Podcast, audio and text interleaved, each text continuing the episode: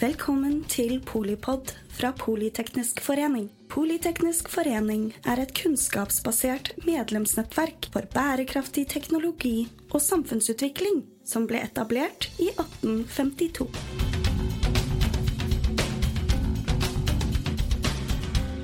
Velkommen til Polpod og det jeg brenner for. I denne årsspesialen fra Polpod hører du medlemmer av direksjonen i Politeknisk forening snakke om hva som er og blir viktig på sine områder i 2024. Kjetil Widerberg, du er daglig leder i Oslo Cancer Cluster. Hjertelig velkommen. Tusen takk. Hva brenner du for? Jeg brenner for å se hvordan vi kan ta kunnskap og gjøre en forskjell for folk. Og helt spesifikt nå så brenner jeg veldig for å se hvordan kunstig intelligens kan hjelpe oss til å forstå kreft og gjøre kreft en kronisk sykdom vi kan leve godt med. Og hvordan skal vi gjøre det? Vi, mye av det vi gjør og har opparbeidet kunnskap rundt medisin og kreft spesielt, eh, det kan vi forstå med sammenhenger med kunstig intelligens og se hvordan vi kan behandle folk mer presist, og også kunne sørge for at de som lever med kreft, får den riktige eh, behandling og oppfølging til å leve gode liv. Eh, nå nærmer vi oss slutten av året, og det er jo ikke så lett å spå fremtiden. Men hva tror du blir viktig i året som kommer? Hva er det vi skal følge med på? Vi må følge veldig med på hvordan teknologi, og spesielt generativ AI-teknologien, kommer til å bli benyttet på alle områder i samfunnet. Både personlig, men også innenfor uh, forvaltning og uh, politikk. og også medisin. Kan du fortelle, forklare kort hva generativ AI er? Ja, du kan si Egentlig er det jo en måte å foreslå hva neste ordet blir i en setning. Eh, og hvis man ser på det på et veldig høyt nivå, eller mange dimensjoner, så kan man forstå ikke bare neste ord, men neste setning eller neste avsnitt. Og hvis man ikke bare ser på tekst, men ser på bilder og video og lyd, så vil man kunne uh, foreslå og skape nytt innhold basert på historisk innhold. Hmm. Eh, og altså, hvorfor, hvorfor, er dette så viktig innenfor eh, kreftforskningen og innen medisinen? Hva er det det kan hjelpe oss med? Foreløpig så er, har AI en begrenset påvirkning på kreftforskning og kreftbehandling. Eh, men det vi ser konturene av, er at det kommer til å hjelpe oss til både å forstå hva kreft er, mm. Eh, og hvordan kroppen vår håndterer eller ikke håndterer kreft, og hvordan behandlingsmetoder vi kan ta ut. Jeg selv har vært uh, i de siste årene engasjert personlig også i to oppstartsselskaper som benytter dette. Det ene er Dumor Diagnostics, som bruker da kunstig intelligens for å se på patologisnitt, altså snitt av celler, mm. for å se hvilken prognose, og forbedre en prognose i forhold til hva mennesket kan gjøre, hvilken eh, utvikling pasientene vil ha. Du nevnte i sted at eh, målet er å gjøre kreft til en kronisk sykdom. Ja. Eh, sier du da at vi på en måte egentlig har løst kreftgåten? Nei, vi kan gå litt tilbake. Vi kan se at ja. vi mennesker består av enkeltceller. Eh, og enkeltcellene har lyst til å overleve og ha det fint for seg selv. Og så har gjennom evolusjon så har vi alle disse enkeltcellene gått eh, sammen til å skape et menneske. Men det krever ganske mange kontrollmekanismer, sånn at ikke hver enkeltcelle bare spiser og utvikler seg og, eh, på sitt felt. De kontrollmekanismene er bl.a. immunsystemet. Mm. Og hver dag så vil en enkeltcelle prøve å gjøre noe og vokse litt mer. Og så sier immunsystemet nei, hold deg nede. Og eh, Så hver dag så får vi disse som kan potensielt bli kreftceller, som immunsystemet holder nede. Men når de ikke klarer det, så utvikler vi kreft. Og det å kunne forstå disse mekanismene helt, vi forstår det ikke helt ennå, men også det å kunne intervenere, altså gå inn og uh, gjøre inngrepen når det trengs, det vil gjøre at vi kan styre den utviklingen av enkeltcellene.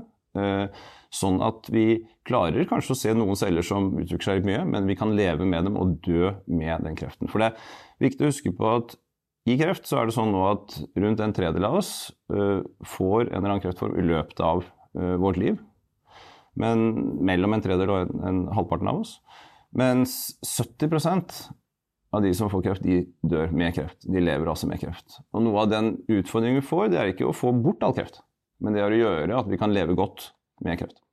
Men hvordan tror du fremtidens helsevesen kommer til å se ut? Hvordan ser eh, Hvis jeg f.eks. om ti år får kreft, eh, hvordan vil det eh, Brystkreft f.eks., som er en veldig vanlig krefttype for oss kvinner. Hvordan eh, vil det utarte seg? Jeg tror det vi kommer til å se, er at vi får både forebygging og tidlig eh, diagnose altså, eh, av kreft. For eh, forebygging er viktig for at vi unngår de, de kreftene vi kan unngå. Altså F.eks. på røyking og andre livsstil. Det er ca. en tredel det vi har. Så er det en tredel som er pure randomness. Det får vi ikke gjort noe med. Da må vi oppdage tidlig. Og så er det en tredel som er genene våre. Og det vi vil se, det er at det vil være en økt grad av eh, data vi får inn, f.eks. fra polygenisk risk score, som betyr det å sjekke korrelasjonen med forskjellige gener for å se risikoen.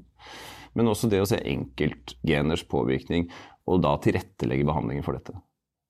Et av eksemplene som vi har jobbet mye med nå, som, som, det kommer til å bli mer av, det er at vi har, sett, vi har et samarbeid som heter Connect, som bygger på et såkalt Impress-studie. Eh, og det er, dreier seg om uh, drug repurposing, altså det å bruke da, dagens legemidler på et annet område, basert på genprofil. Har du et eksempel på det? Ja, I dette studiet, da, eller dette programmet, så, så er det da legemidler som f.eks. er brukt på én kreft, da si brystkreft, og så ser man det at uh, og du ser at det er god respons på én genprofil. Så tar man da og gir dette legemiddelet med en som har en helt annen type kreft, f.eks. hjernekreft, med samme genprofil, og så ser man en god respons. Store forskjellen her er at istedenfor da å måtte vente ti år og bruke mange milliarder kroner på å utvikle et legemiddel for hjernekreft, så har man faktisk gjort dette veldig smidig ved å flytte et legemiddel som man vet er relativt trygt og har relativ effekt, over til et nytt område. Og det kommer vi til å se mer av i fremtiden. Ja. Eh, og til, altså, i året som kommer, hva, hva, ønsker du å være med på selv? Hva, hva, skal du drive med neste år? Det er mange ting, eh, men en av de det er jo å se på hvordan vi, hvordan vi nå bruker eh, helsedata eh, til å bedre både innovasjonen, altså muligheten Norge har for å skape gjøre kunnskap til spennende bedrifter og produkter i helsemarkedet. Det å kunne jobbe med å forme hvordan Norge tar en ledelse innenfor helsedata. Det vi skal være klar over er at Norge har et personnummer og et offentlig helsevesen som gjør at vi kan forstå data og forstå hvordan sykdom utvikler seg i samfunnet på en helt annen måte enn det de fleste andre land kan. F.eks. USA. Hvis du flytter fra et område til eller en arbeidsgiver til en annen, så har du ikke historisk hvordan du, uh, sykdommen eller hvordan helsen din er. Og det at Norge har denne oversikten over helsedata, gir oss en helt unik mulighet til å forstå hvilken behandling fungerer, hvilken fungerer ikke. Hva er det vi gjør som vi skal slutte med? Uh, hva er det vi bør gjøre mer av? Og for alle som utvikler medisinsk teknologi, alt fra software til uh, legemidler, det de egentlig gjør, det er å samle inn data for å forstå hvordan dette funker.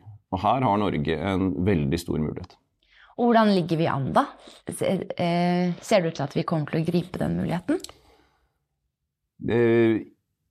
Jeg ser veldig gode signaler, både på at vi nå har fått en satsing på digitalisering eh, med minister og eh, den satsingen, og jeg ser også at Helsedepartementet Eh, har en fokus på helsedata. Så jeg, veldig, jeg, ser veldig lyst på den satsingen som nå gjøres, for nettopp å bygge en forståelse for pasienter, eh, bygge en forståelse for forskning og bygge næring på norske helsedata. Det vi skal gjøre eh, det kommende året, det er at vi har nå endelig fått godkjenning, så prosessen går videre med å utvikle Oslo Cancer Cluster Innovasjonspark og Oslo Science Hub. Fordi De siste ti årene så har vi bygd opp Oslo Cancer Cluster innovasjonspark og inkubator. Eh, hvor fra dette miljøet så springer det ut mange oppstartsselskaper. Og eh, vi tok en verdisjekk på dette i fjor, og da så vi at det er skapt markedsverdier for over 35 milliarder norske kroner ut fra ideer som springer ut av dette miljøet. Og det vi ønsker nå, det er jo med den nye muligheten til å doble arealer, rundt 40 000 kvadratmeter, eh, så ser vi muligheten både til å utvikle disse oppstartsselskapene videre, men også å tiltrekke oss internasjonale selskaper som ønsker å være med på å utvikle nye eh, kreftlegemidler, kreftteknologi og helseteknologi i Norge. Så det blir et veldig spennende ting som vi starter nå på alvor for til neste år. Tusen takk eh, for praten eh, til deg, Kjetil Hviteberg. Du er daglig leder i Oslo Cancer Cluster. Og tusen takk til deg som hører på Polipod når og hvor du vil. Mitt navn er Anja Magnussen, og jeg er podkastredaktør her i Politeknisk forening. På gjenhør. Takk for at du lyttet til Polipod fra Politeknisk forening. Få med deg flere episoder eller bli med på nettverksmøtene, som du finner ved å søke at polyteknisk, eller gå på vår hjemmeside polyteknisk.no.